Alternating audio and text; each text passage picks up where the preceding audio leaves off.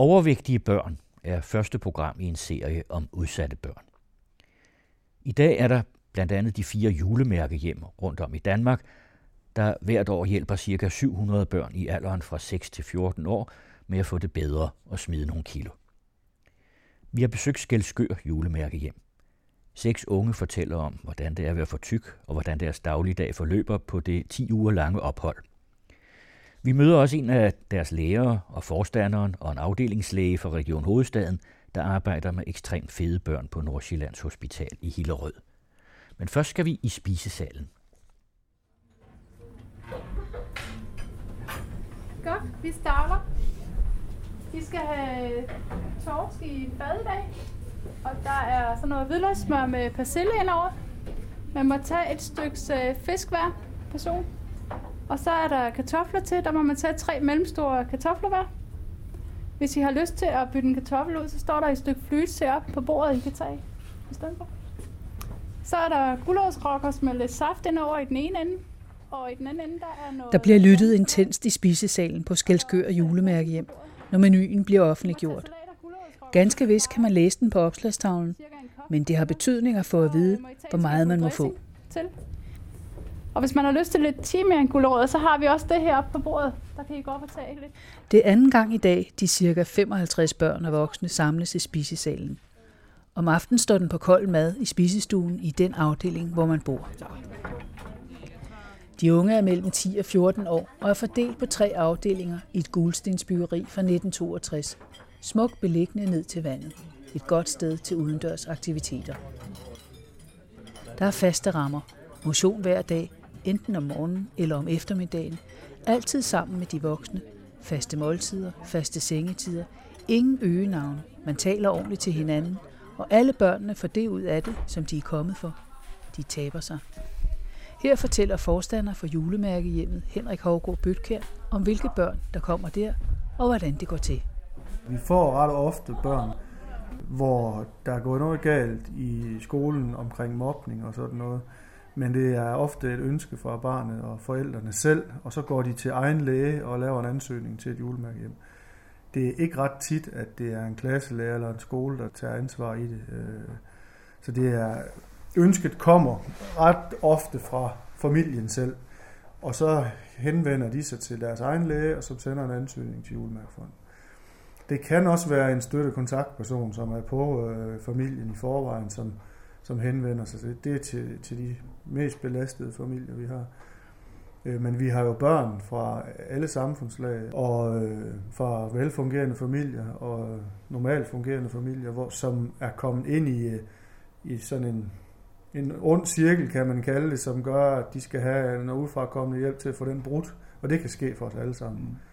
Altså vi kan alle sammen havne i en situation, hvor vi har brug for, for andre til at, at få et skub i den rigtige retning, kan man sige. Men det er jo også de velfungerende familier, som henvender sig til en familierådgiver, ikke? Jo, det er det typisk. Altså, det er det typisk. Når altså, det kommer fra familien selv? Ja, men det er jo det, men, det, man, man 95 procent af de børn, der kommer i julemærke hjem, er overvægtige. Vi kan også godt få enkle, som ikke skal tabe sig. Men i sådan den brede befolkning, der tænker man julemærke hjem, børn, som har overvægt, som skal tabe sig. Mm. Men hvad kom først, øh, overvægten eller, eller mobningen? Det er svært. Det er ikke altid, at det hænger sammen. Hvis man øh, trækker sig fra social sammenhæng, fordi at ens klassekammerater er træls ved en, så kan det jo betyde, at man øh, kommer hjem og laver alt for mange stillesiddende aktiviteter. Man er ikke aktiv, man putter sig bag sin computer og sit tv. Man spiser lidt for meget usundt og tager derved på. Men man kan jo spørge sig selv, hvis man havde det godt sammen med sine kammerater og deltog aktivt i idrætsliv, så var man måske ikke overvægtig. Så nogle gange er det, at man får det skidt, jo også skyld i overvægt. Mm. Men vi er selvfølgelig også børn, som ikke er mobbet, der kommer her, som kommer her kun for at tabe sig det er ikke noget kriterie, at man skal have været udsat for mobning for at være her. Altså, altså det er jo ikke kun fordi, man ikke trives. Nej, så. lige nøjagtigt. Det er også nogle gange bare ønsket om at komme af med 10 eller 15 kilo og komme i gang med noget motion, og så kan man sende en ansøgning og søge. Men vi har mange børn, som har ikke har ret gode oplevelser med at lykkes med motion. Mm. Og har fået et knæk på øh, selvtilliden i forhold til det at lykkes med at dyrke idræt og tror ikke på, at de kan. Og hvis det står på over tid, så snakker vi jo mangel på selvværd. Og så er vi jo inde og snakke noget grundlæggende i vores, øh, i vores liv. Det er jo, at hvis man mangler selvværd, så mangler man troen på sig selv. Og øh, i langt hen ad vejen, så påvirker det ens livskvalitet. Så det er jo det, man kan sige, selvtillidsoplevelserne, som de unge lige får hernede, det er jo med til at bygge på, sådan at de begynder at opleve sig selv værende mere værd. Altså alle børn, der er på et julemærke, som gennemfører 10 ugers forløb, de får succes. Og det kan jeg sige uden at blinke. Det er 100 procent. Du sagde før, at øh, man kunne faktisk også komme her ind, hvis man udelukkende er overvægtig og ja. ikke har andre problemer. Ja. Men bør, bør familierne ikke selv sørge for, at deres børn kommer til at blive mere aktive, at de, øh, jo, hvis de om så altså, sige, kun er der, overvægtige? Jo, men det kunne man godt sige. Jeg har nu lidt den tilgang til vores familie, at jamen, hvis, de, hvis de kunne det, så var, havde de jo gjort det, og mange af dem har prøvet. Vi ved alle, hvor svært det kan være at bryde vaner. Og det, det gælder os selv. Man kan spørge sig selv, hvor mange vaner har jeg, jeg har tænkt på hver år til nytår, og nu skal jeg have et nytårsforsæt og lave om på det. Og det kan man så gange med 10, hvis man skal have et andet menneske til at lave om på sine vaner. Så, så mange forældre er jo øh, dybt ulykkelige over, at de ikke selv lykkes med det. Og jeg tænker, jamen, i stedet for at tænke, det burde I have gjort noget ved, så vil jeg hellere tænke, det er godt, I kom til os, fordi så gør I også noget. Man skal ikke være flov over at spørge om hjælp. Altså, og det tænker jeg egentlig, det er, mere, det er mange gange det, det handler om. Det plejer jeg også at sige, når nogen spørger det med forældrene, jamen skulle de ikke så selv have gjort noget? Så vil jeg hellere tænke, men det gør de jo også. De beder julemærkefonden om hjælp. Det er jo også at gøre noget. Grunden til, at jeg er her, det er fordi, at jeg er overvægtig. Ja, og jeg bliver også øhm, mobbet nogle gange, men det er ikke derfor, men jeg er her, fordi at jeg er overvægtig. Hvem siger det? Det er min læge. Men nogle gange så bliver jeg ikke mobbet, og nogle gange så bliver jeg mobbet. Og ja. Det. Hvorfor tror du, at du bliver drillet sådan? Fordi at jeg er tyk. De kalder mig tykke og alt det der. Der er en person, og det er en dreng. Han mobber mig hver dag. Jeg har på grund af øh, øh, også min overvægt. Og så skal jeg øh, lære at arbejde med mit selvværd. Jeg skal lære at sige nej til folk. For jeg har det meget sådan, at øh, jeg skal altid opfylde folks behov, og jeg er meget sådan, hvis at folk har det dårligt, så føler jeg meget, at det er min skyld og sådan noget, det skal jeg. Og så skal jeg tabe mig en del. Hvad er dit mål? At tabe mig. Hvor langt? Hvor meget? så meget som overhovedet muligt. Øhm, jeg vil gerne op over de 10 kilo. Mine forældre blev skilt for et halvandet år siden, og så blev jeg nødt til at være der for min lillebror. Så jeg har lært det på den hårde måde. Jeg er blevet voksen hurtigt. Det er jeg blevet nødt til at blive. Så jeg kommer også lidt herned for at blive barn igen. Hvorfor er du her?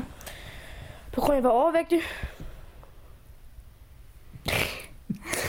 det var krise sammen, altså. Jeg, jeg, jeg kunne ikke rigtig være så meget med til idræt, og det, og det havde jeg, fordi jeg elsker idræt. Og, øh. Men var det et problem for dig at følge med der i idræt? Ja, det var rigtig meget, det var meget svært. Så nu prøver jeg sådan at få tabt mig mindst 20 kilo.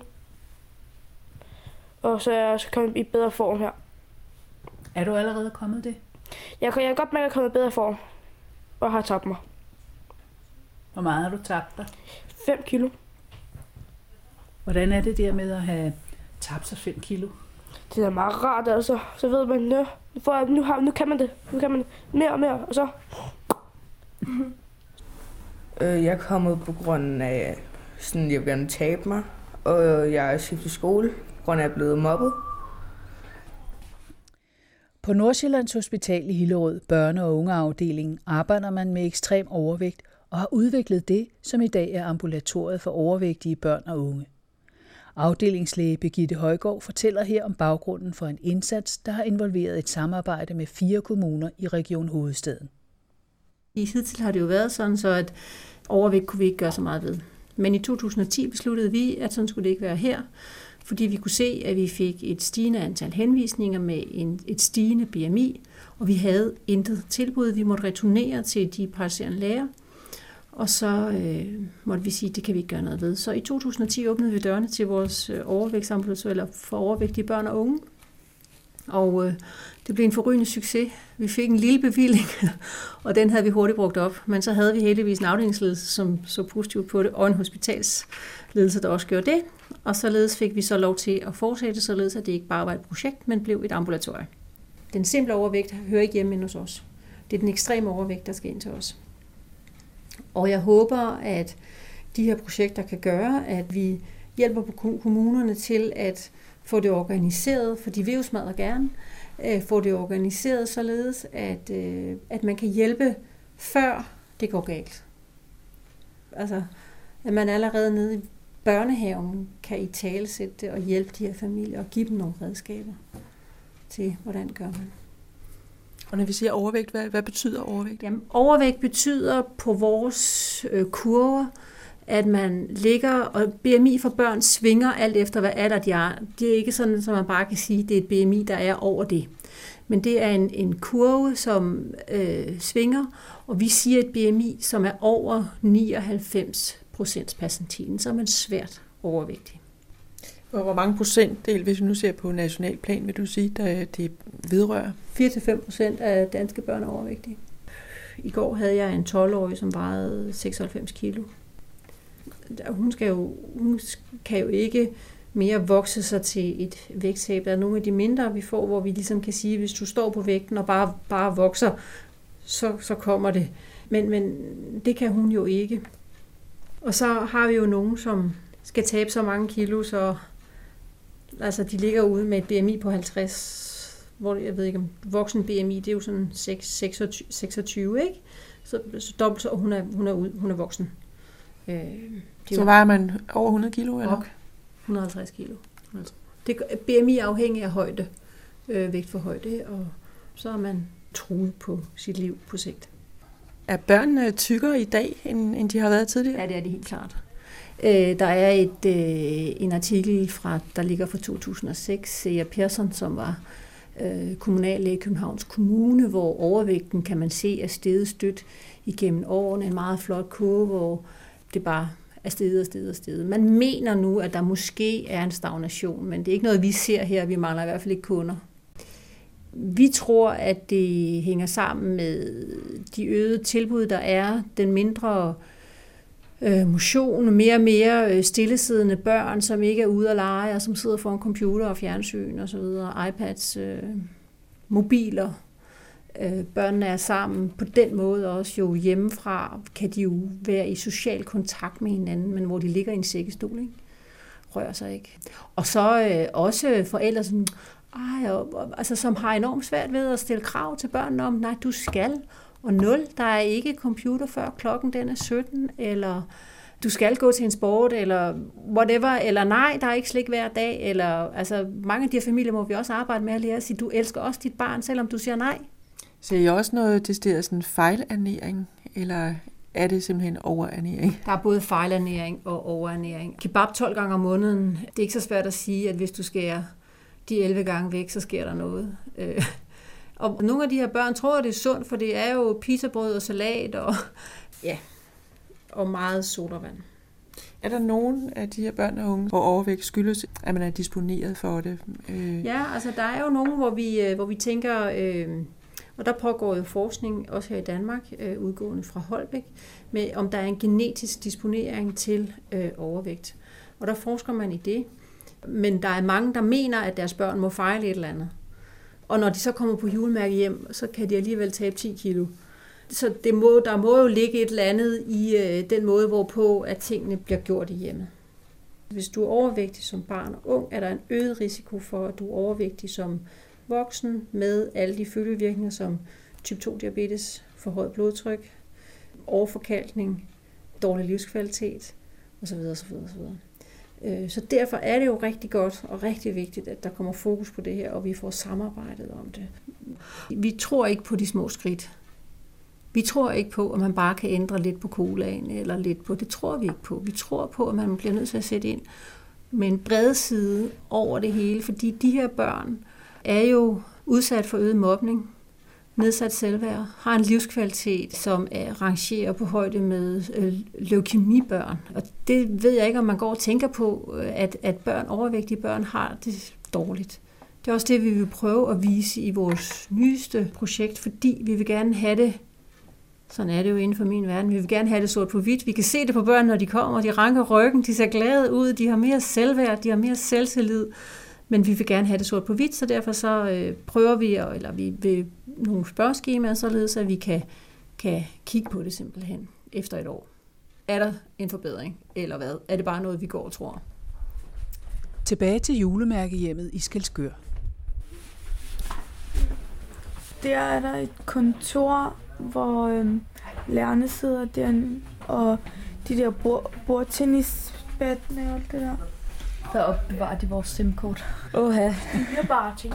Og her kan vi selv, øh, her placerer vi os selv, hvor vi er henne. Vi er på altså, trappen. Vi siger til vores, vi skal få på fjord eller højden. Tag brækken og før den derover. Det er altså en opslagstavle, så I ja, kan finde. Hvorfor er så alle sammen over i den ene side nu? På grund af, alle er på skralden. Nu er jeg i skole endnu.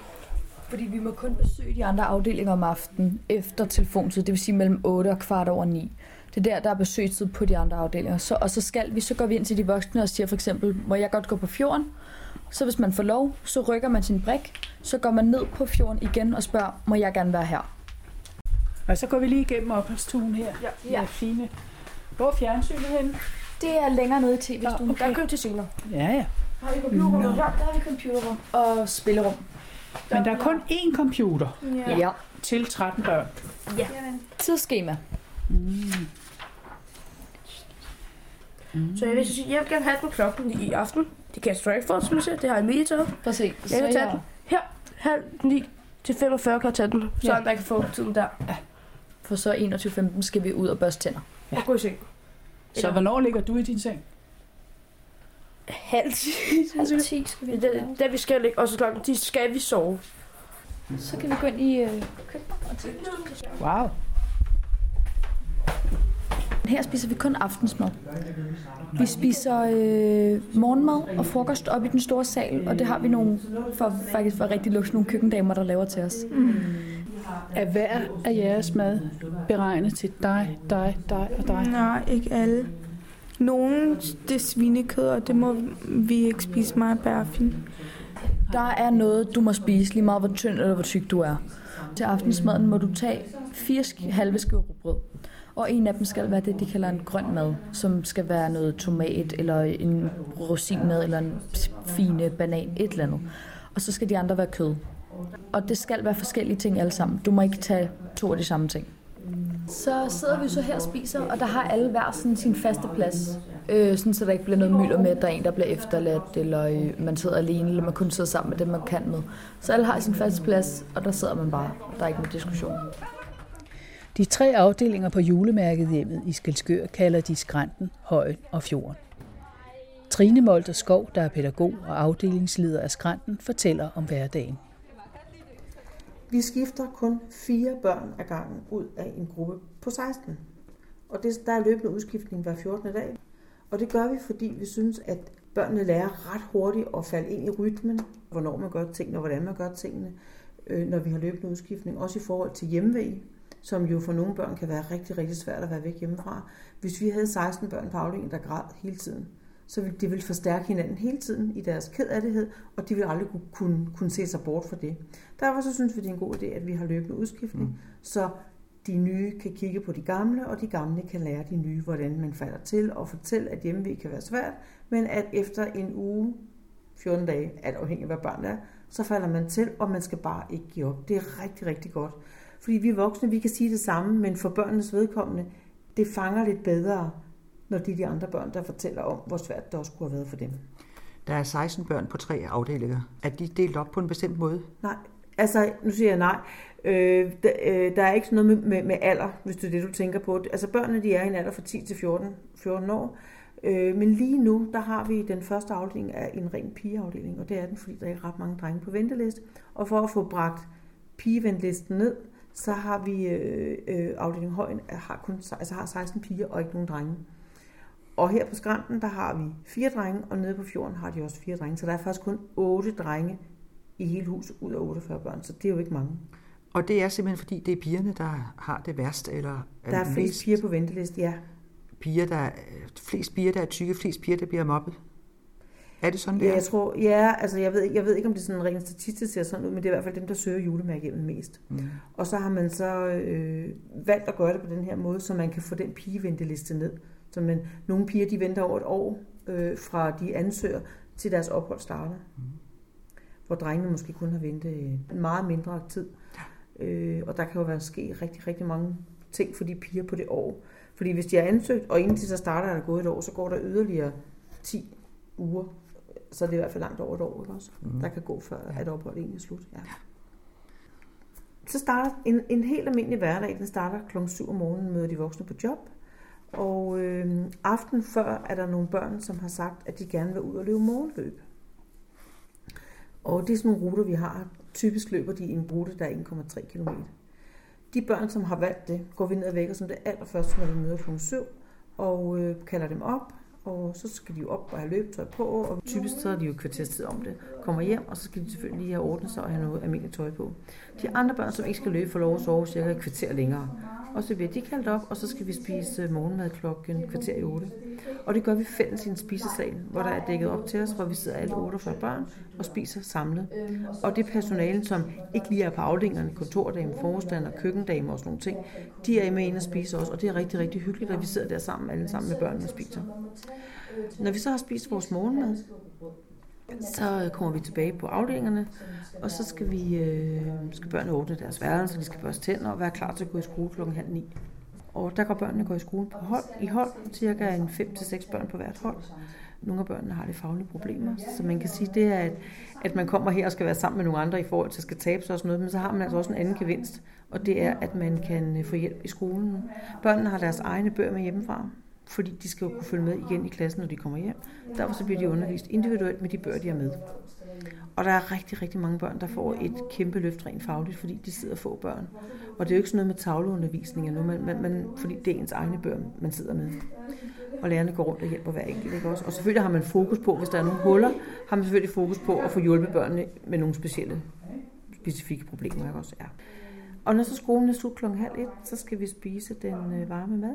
Og det gør vi også fælles op i vores spisestue, hvor alle 48 børn sidder. Og de voksne, der nu lige er på job den dag.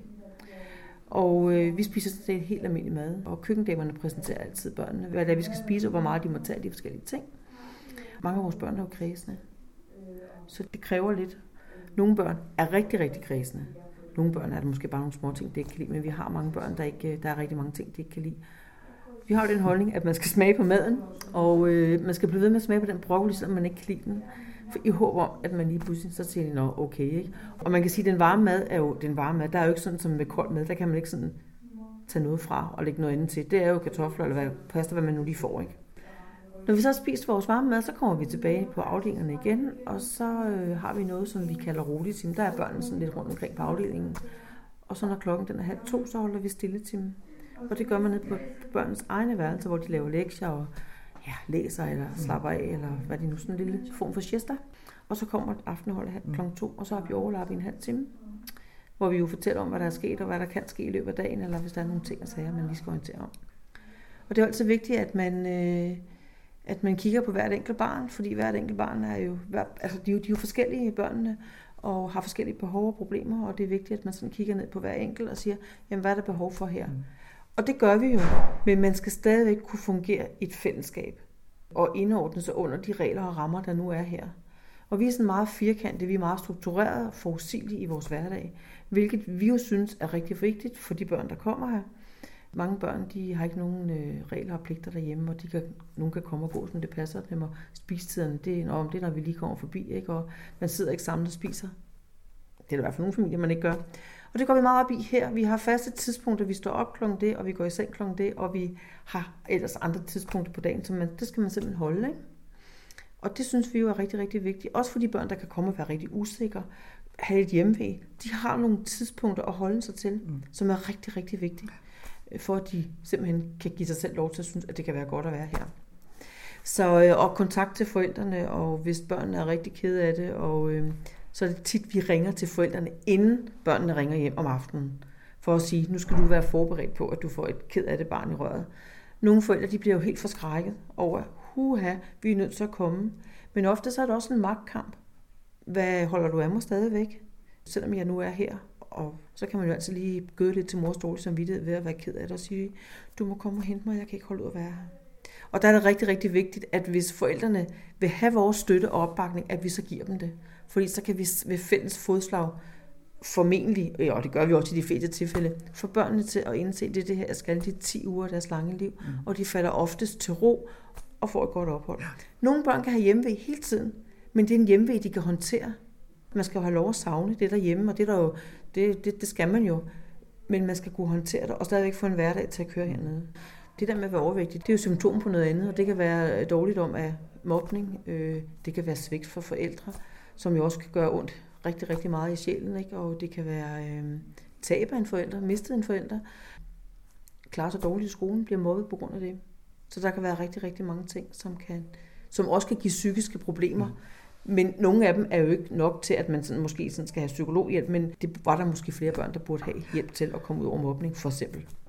Øh, når børn er færdige med deres ildetime, og der er aftenvagterne mødt ind, så skal vi jo altid lave en eller anden form for motion. Mm. Og det er rigtigt, som du siger, det er jo skønne omgivelser her, ikke? hvor vi har grund lige ned til vandet, og vi har store bælt lige ude på lige 20 minutters gang herfra, og vi har skov, og jamen, vi har jo alt muligt god natur, og den bruger vi næsten hver eftermiddag. Det kan godt være, at vi nogle gange vælger at være inde og gøre, gå i spændingsrum, eller øh, vores motionsrum, eller øh, være oppe i vores gymnastiksal. Øh, men, men i de fleste dage, så er vi ude på en eller anden måde, og det er en guds gave at bo her midt i, i skøn natur. Vi har også cykler faktisk, som vi kan bruge, og cykle langt væk jo, 20-30 mm. km væk, ikke? Også, det gør vi jo også om sommeren, og har madpakkerne med. Og det er også vigtigt for børnene at se, at, at de voksne også er med. Det er jo sin sag at sidde hjemme på sofakanten og sige, nu skal du en eller anden form for motion, hvis det kan være svært, når, når man som forældre måske ikke af en eller anden grund ikke, ikke, ikke, ikke kan deltage. Men det gør vi altid. Vi er altid med at klæde om og er med til aerobic og løb og brug af de forskellige motionsrum og sådan noget. Og det gør også, at man måske nogle gange bedre kan motivere børnene til at være at komme i gang, ja. fordi vi står på sidelinjen og er en del af det. Og der er også nogle ting, vi ikke er gode til at koordinere, når øvelser, når vi står ved gymnastiksalen, eller hvad det nu kan være. Og det oplever børnene jo også, og det, ja, det er fint nok, at vi ikke er eksperter i alting. Når klokken er kvart over ni om aftenen, så begynder vi, at børnene skal børste tænder, og de skal få ret deres seng og få sagt godnat. Der har de kvarter til. Når så klokken er halv ti, så skal de være på deres værelser. Man kan ligge og høre noget musik i sin øre, på sine øretelefoner, man kan snakke, man kan læse, eller hvad man nu lige har lyst til. Man skal bare være på sit værelse, og selvfølgelig allerhelst i sin seng. For så kommer vi, når klokken er 10 og siger godnat, og så skal man putte og slukke lyset.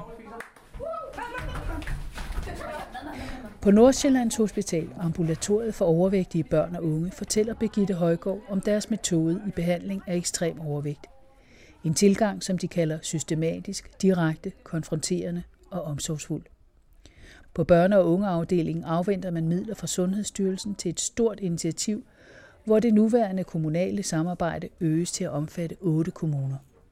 Vi har endnu ikke fået endelig godkendelse fra Sundhedsstyrelsen, men vi har fået satspuljemidler midler til 6,5 millioner og det har man fået fem steder i alt rundt i Danmark. Ikke 6 millioner, men nogle andre beløb. Og øh, der har vi otte af vores omegnskommuner med. Og der er det meningen, at vi skal køre 400 børn igennem. Øh, der går vi ind og arbejder tværfagligt og med hele familien. Således at selvfølgelig er det barnet, der er i fokus, men det er jo hele familien, som skal deltage i det her arbejde. Øh, og det er øh, sindssygt vigtigt, at vi får kommunikeret det ud.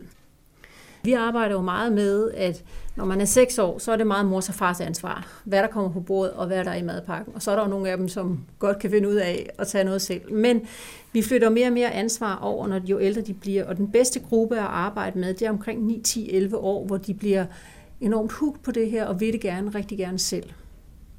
Og, øh, og så er der teenagerne, som gerne vil det, men som måske af mange årsager har mange udfordringer, andre udfordringer, hvor det gør det svært for dem det er jo de ting, som vi prøver her, det er jo ved, at, at vi flytter, hvad skal man sige, ambulatoriet ud øh, lokalt, således at folk ikke i hvert fald skal transportere sig herind, således at det er i deres lokalområde, hvor man går til kontrol. At man er tryg, og man kommer ikke i en hospitalsafdeling, man er hos en sundhedsplejerske. Det håber vi på kan gøre noget, at den fysiske afstand gør noget. Og at det er i nærmiljøet, håber vi også gør noget. Der er en projektsygeplejerske, som er med ude i kommunen, således at man lærer, hvordan gør vi her. Og det er en pædagogik, som er, hvad skal man sige, vi er meget direkte, vi er konfronterende, men vi er også omsorgsfulde i det, og man må ikke efterlade nogen, kan man sige, øh, Øh, kede af det, og på ingen måde må man have behandlerresignation. Og så taler vi med hinanden for at sige, for det er hårdt det her, og der vil komme børn, som hver gang, så tager de på, og så tager de på, og så tager de på, og man tænker, ej, og lige pludselig, så bryder de koden. Men det er altså børnene selv, der gør det.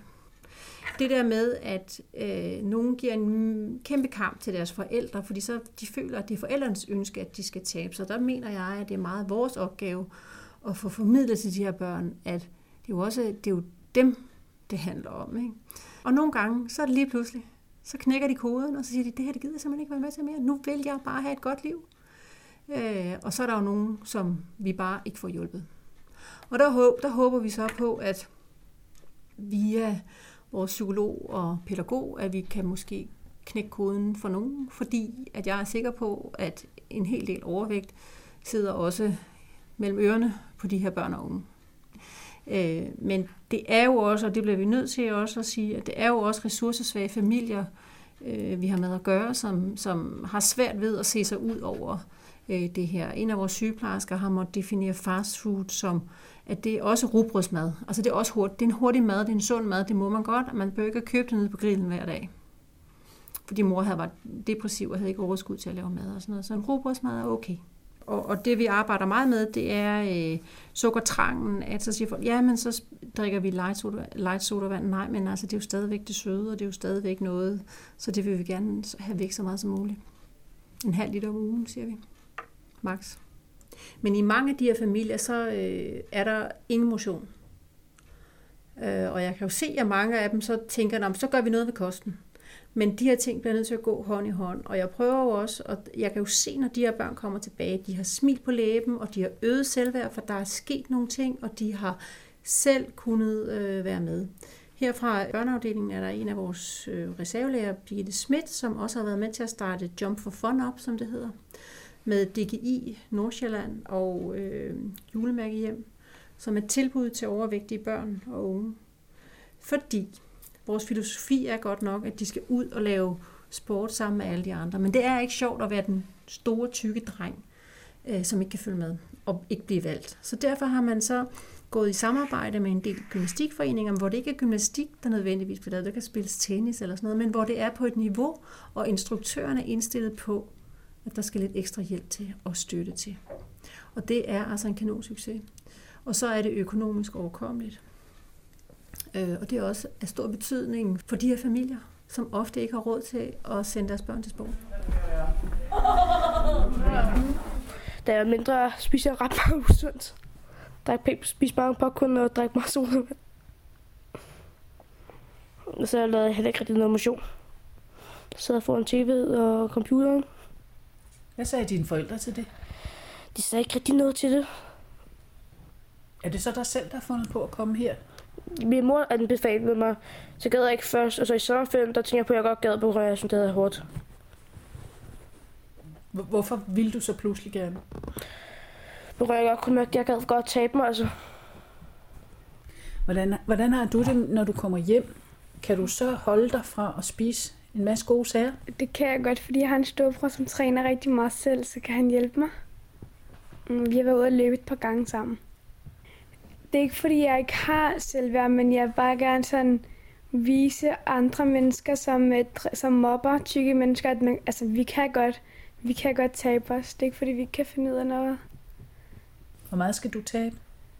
Øhm, jeg vil godt sådan tabe omkring 10 kilo op efter. Jeg får meget sund kost derhjemme. Jeg motionerer meget. Øhm, men der har været meget de sidste par år, som har gjort, at jeg har øh, trøstespist en del. Det er rigtig meget, faktisk. Og det er bare taget overhånd. Og det er sådan det, der har gjort, at, ja, at man tager på. Hvordan fandt du på, at du skulle komme her? Øhm, det var min læge, der gav, og min mor, der fandt ud af det. Øhm, fordi at jeg har det, at øh, det er ikke alt mit fedt, som sætter sig på kroppen. Det sætter sig rundt om mine organer. Og hvis jeg ikke gør noget ved det, så bliver det livsfarligt i sidste ende. Det sætter sig primært rundt om mine nyrer, min lever og mit hjerte. Og hvis der samler sig nok fedt rundt om mit hjerte, så dør jeg af det. Min mor er også overvægtig. Det ligger til familien generelt. Ja, men din far, han er almindelig. Han skal passe på sin vægt, men han er bedre end os andre. Og hvad med lillebror? Han er også overvægtig. Kan jeres forældre så hjælpe jer med at lade være at spise for meget? Ja, ja, ja. Ja, fordi, øh, men faktisk har jeg startet lidt før, for i et år, der har jeg tabt mig 10 kilo før. Alene? Ja. Helt alene. Jeg har holdt op med at spise kæbetyve, brammelade, tage lidt mindre portioner. Så har jeg tabt mig 10 kilo. Men mine forældre, de hjælper mig også meget i hverdagen, og sådan fortæller, ja. Og nogle gange går jeg selv hos min mor eller far og spørger mig, hvor meget må jeg tage af det, og sådan lidt af det, og sådan. Hvad med dine forældre? Er de også store mennesker? Ej, ikke sådan. Min far, han er måske, jeg har fået det måske fra min fars sådan, familieside. Men ellers, min far, han har måske lidt stor mave, men ellers ikke sådan. Hvad med dig? Mm, nej, det, jeg har bare været overvægtig lige siden jeg var lille. I de 10 uger opholdet varer for børn og unge er der skolegang. Det foregår på selve julemærkehjemmet. Forstander Henrik Havgård Bøtkær fortæller. Skolen her på stedet er, det er faktisk det eneste, som øh, koster penge. Det er ikke vores øh, lærere, de er ikke ansat af, af mig, altså i Julemærkefonden. De er ansat af Slagelse Kommune og tilhørende Skelskør skole, men har skolegang her på stedet. Så lærerne heroppe opfatter sig som en del af julemærkehjemmet, og det gør vi også her. Vi er rigtig glade for vores samarbejde. Så det, at de har skolegang heroppe, gør jo også, at vi hele tiden samarbejder. Så hvis det ikke går godt i skolen, så tager læreren ansvar for at tage fat i afdelingen og omvendt. Og alle de børn, som faktisk har været kede af at gå i skole, inden de kommer, de bliver glade for at gå i skole.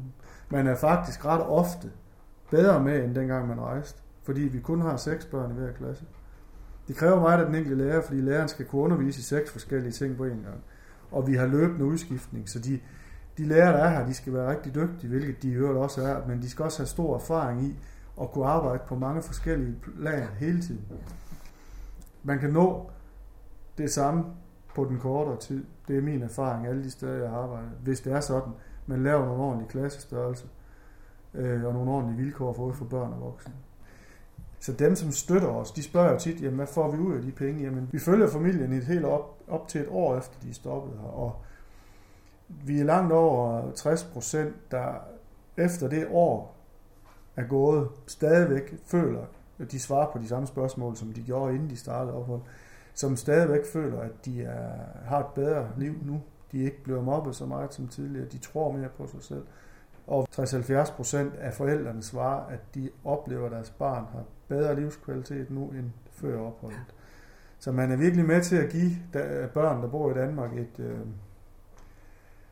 ja, jeg tænker sådan et, et nyt liv faktisk, forstået på den mm. måde, at man er med til at give et sundere liv, et gladere liv. Øh, mange af de børn, som gennemfører her, øh, vil tænke tilbage på julemærkehjemmes ophold som en god tid i deres barndom. Og jeg tænker, at det er det, man støtter, når man støtter julemærkesagen. Og det, altså det er jo, jeg kan jo heller ikke sige det højt nok, hvis jeg... Vi, altså, jeg har ikke noget imod katte, men giv hellere pengene til julemærkehjemmen end til kattens værn, for eksempel. Fordi man gør en kæmpe forskel. Ja. Og det, når man kommer herover som, som medarbejder, øh, så tænker man, man gør det selvfølgelig, fordi man gerne vil arbejde med mennesker, men det giver så meget tilbage at være med til det her arbejde og give de børn øh, det boost, de får. Kan I lide at være?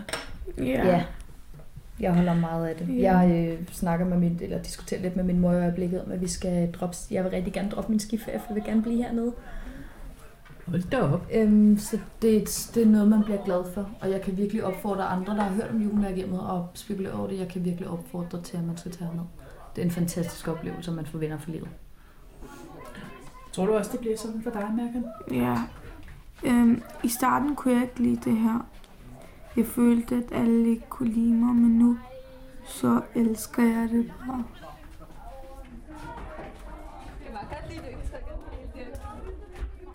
Foruden de unge, Emilie, Berfin, Merkan, Mass, Mass og Albert, medvirkede læger Trine Molter Skov og forstander Henrik Hovgaard Bøtkær fra Skelskør Julemærkehjem.